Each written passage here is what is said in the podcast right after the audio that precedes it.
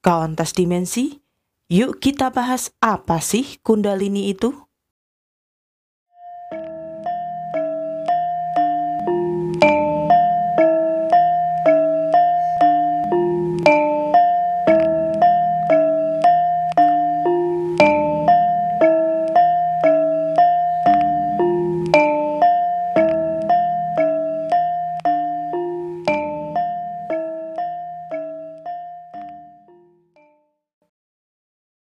Seperti yang sudah dijanjikan ya di episode yang sebelumnya setelah kita bahas semua cakra dari cakra dasar sampai dengan cakra mahkota dan kali ini kita bahas tentang kundalini. Jadi istilah kundalini itu berasal dari bahasa Sanskerta kauntas dimensi yang berarti dia yang melingkar. Makanya kundalini disimbolkan sebagai ular yang merambat naik. Tapi ketika kundalini off, maka dia disimbolkan sebagai ular yang sedang melingkar di dalam tubuh kita. Tapi apakah ini sosok makhluk astral yang ada di tubuh kita? Enggak sih. Sebenarnya ini adalah bentuk energi di mana setiap manusia itu punya. Setiap manusia itu punya. Hanya saja energi ini kebanyakan dalam kondisi off atau tertidur ya dan bisa bangkit di waktu yang tepat kebangkitan kundalini memang setiap orang berbeda-beda nih dan tidak bisa dipaksakan harus bangkit di waktu yang tertentu ya. Maksudnya kita paksakan harus bangkit di waktu kapan gitu itu nggak bisa sih. Karena ini adalah sistem alami di dalam tubuh kita. Itu akan bangkit ketika memang sudah saatnya. Jadi menyesuaikan dengan kondisi tubuh kita.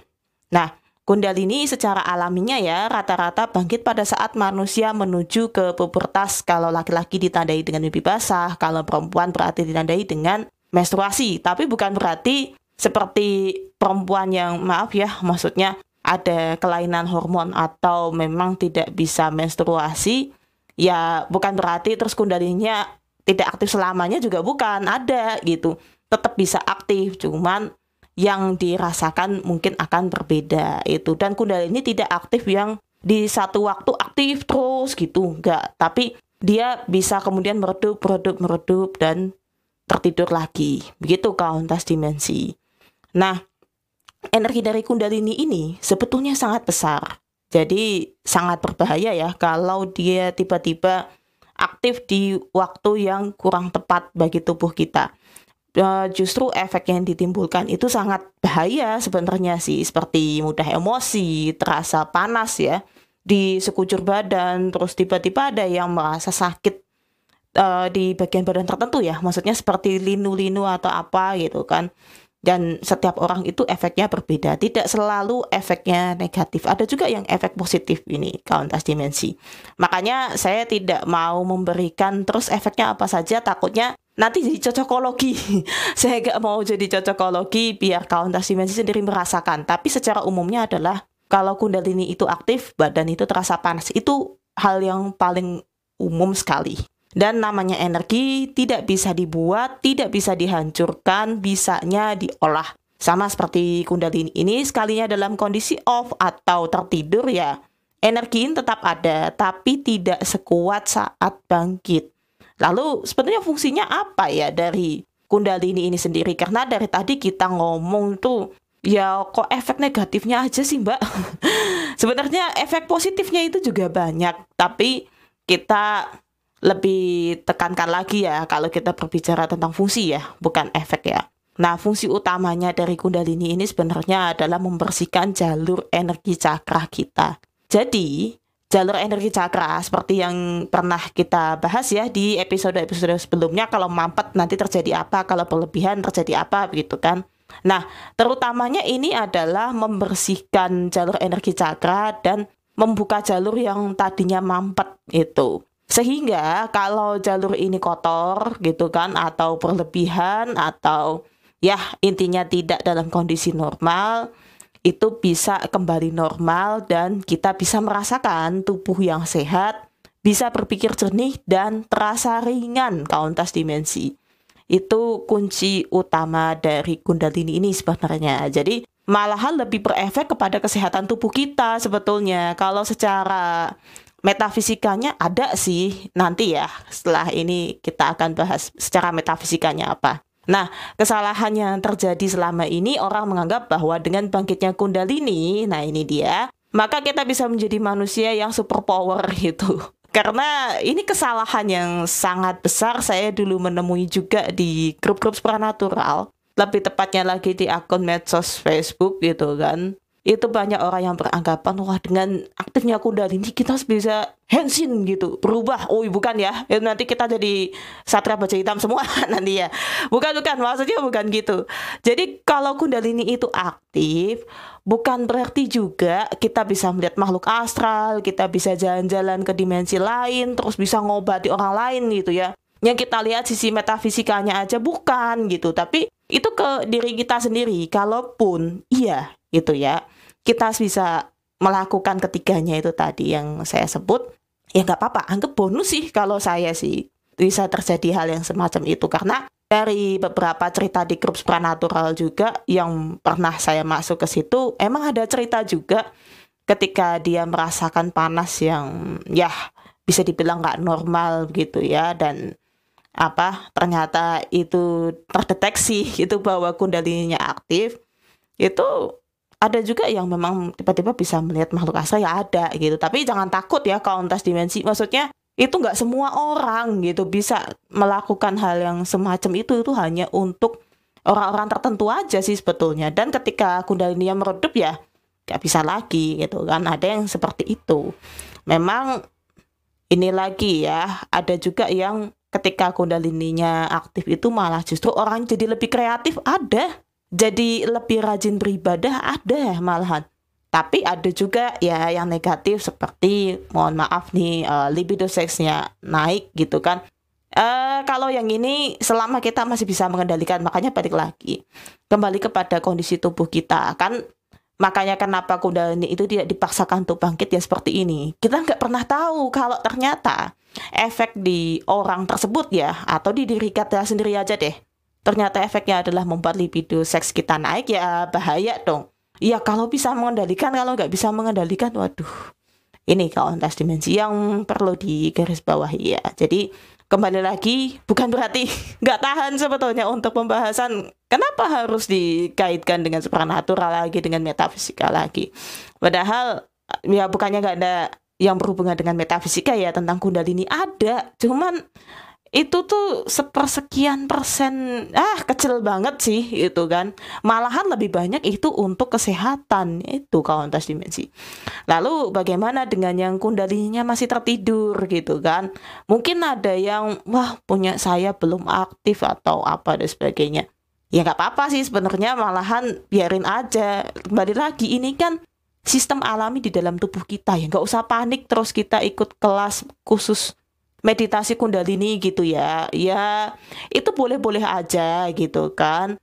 Memang itu bisa aktif juga di kelas meditasi. Tetapi ini yang perlu menjadi catatan dasar ya bagi kita juga bagi saya juga sebenarnya bahwa meditasi khusus kundalini sebenarnya adalah untuk mengolah energi kundalininya bukan untuk mengaktifkan. Saya ulangi lagi ya bahwa meditasi khusus kundalini itu untuk mengolah energi kundalininya bukan untuk mengaktifkan. Saya rasa kalau ada pakar yang mendengarkan ya tentang meditasi ini, ini ya mungkin bisa dibuat episode podcastnya ataupun bisa dibuat di Instagram pribadinya silahkan gitu kan. Karena orang-orang yang pernah membuat postingan di grup supernatural itu ada yang bertanya seperti itu bagaimana cara mengaktifkan kundalini? Waduh wah ini cukup berat juga gitu kan. Makanya saya juga nggak berhenti untuk mengedukasi tentang ini ya dan khususnya pas banget di episode ini kita bahas tentang kundalini dan saya harap juga ada pakar meditasi yang akan membahas tentang hal ini.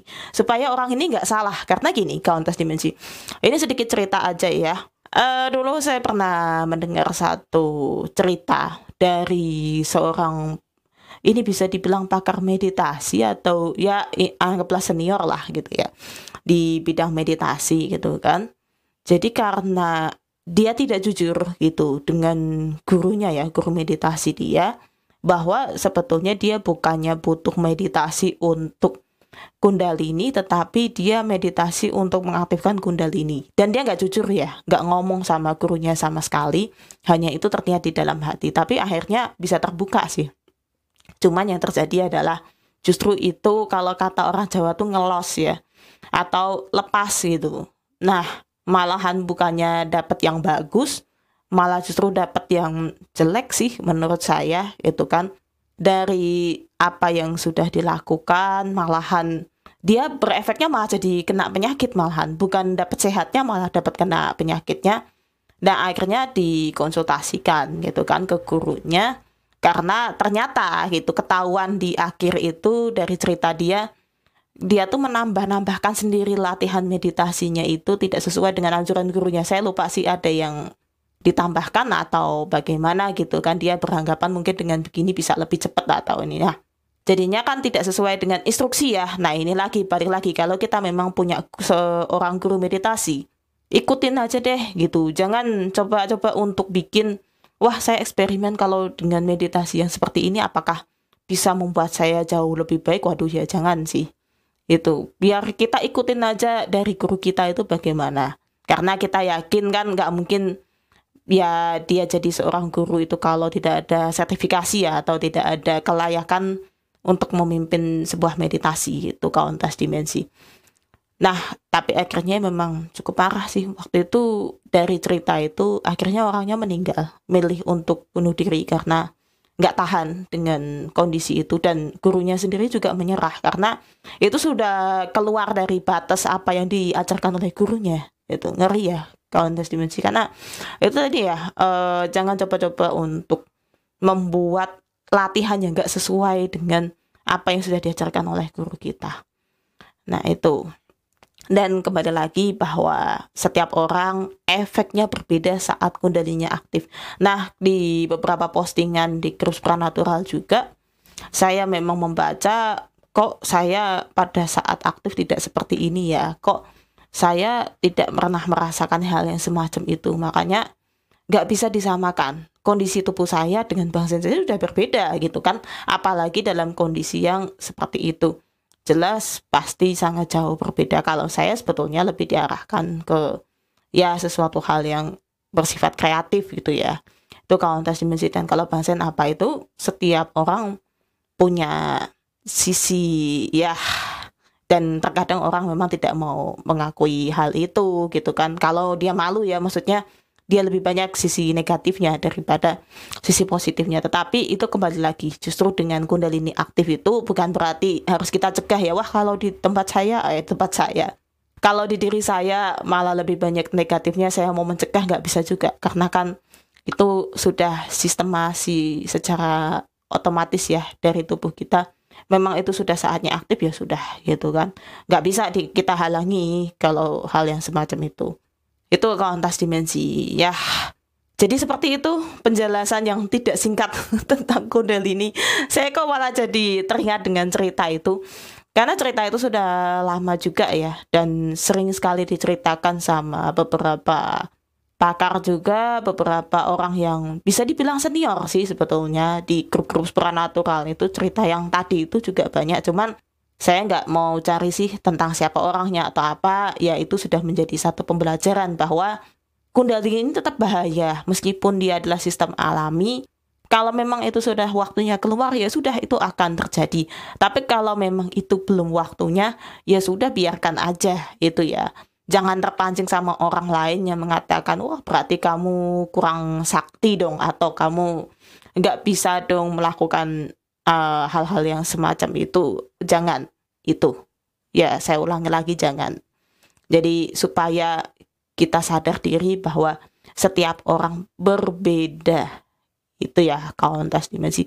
Daripada nanti kita sendiri yang repot gitu ketika kundalini tidak terkendali kita sendiri kan yang kena kan itu ya Cukup sekian ya Kauntas Dimensi. Terima kasih sudah mendengarkan episode kali ini dan salam semesta.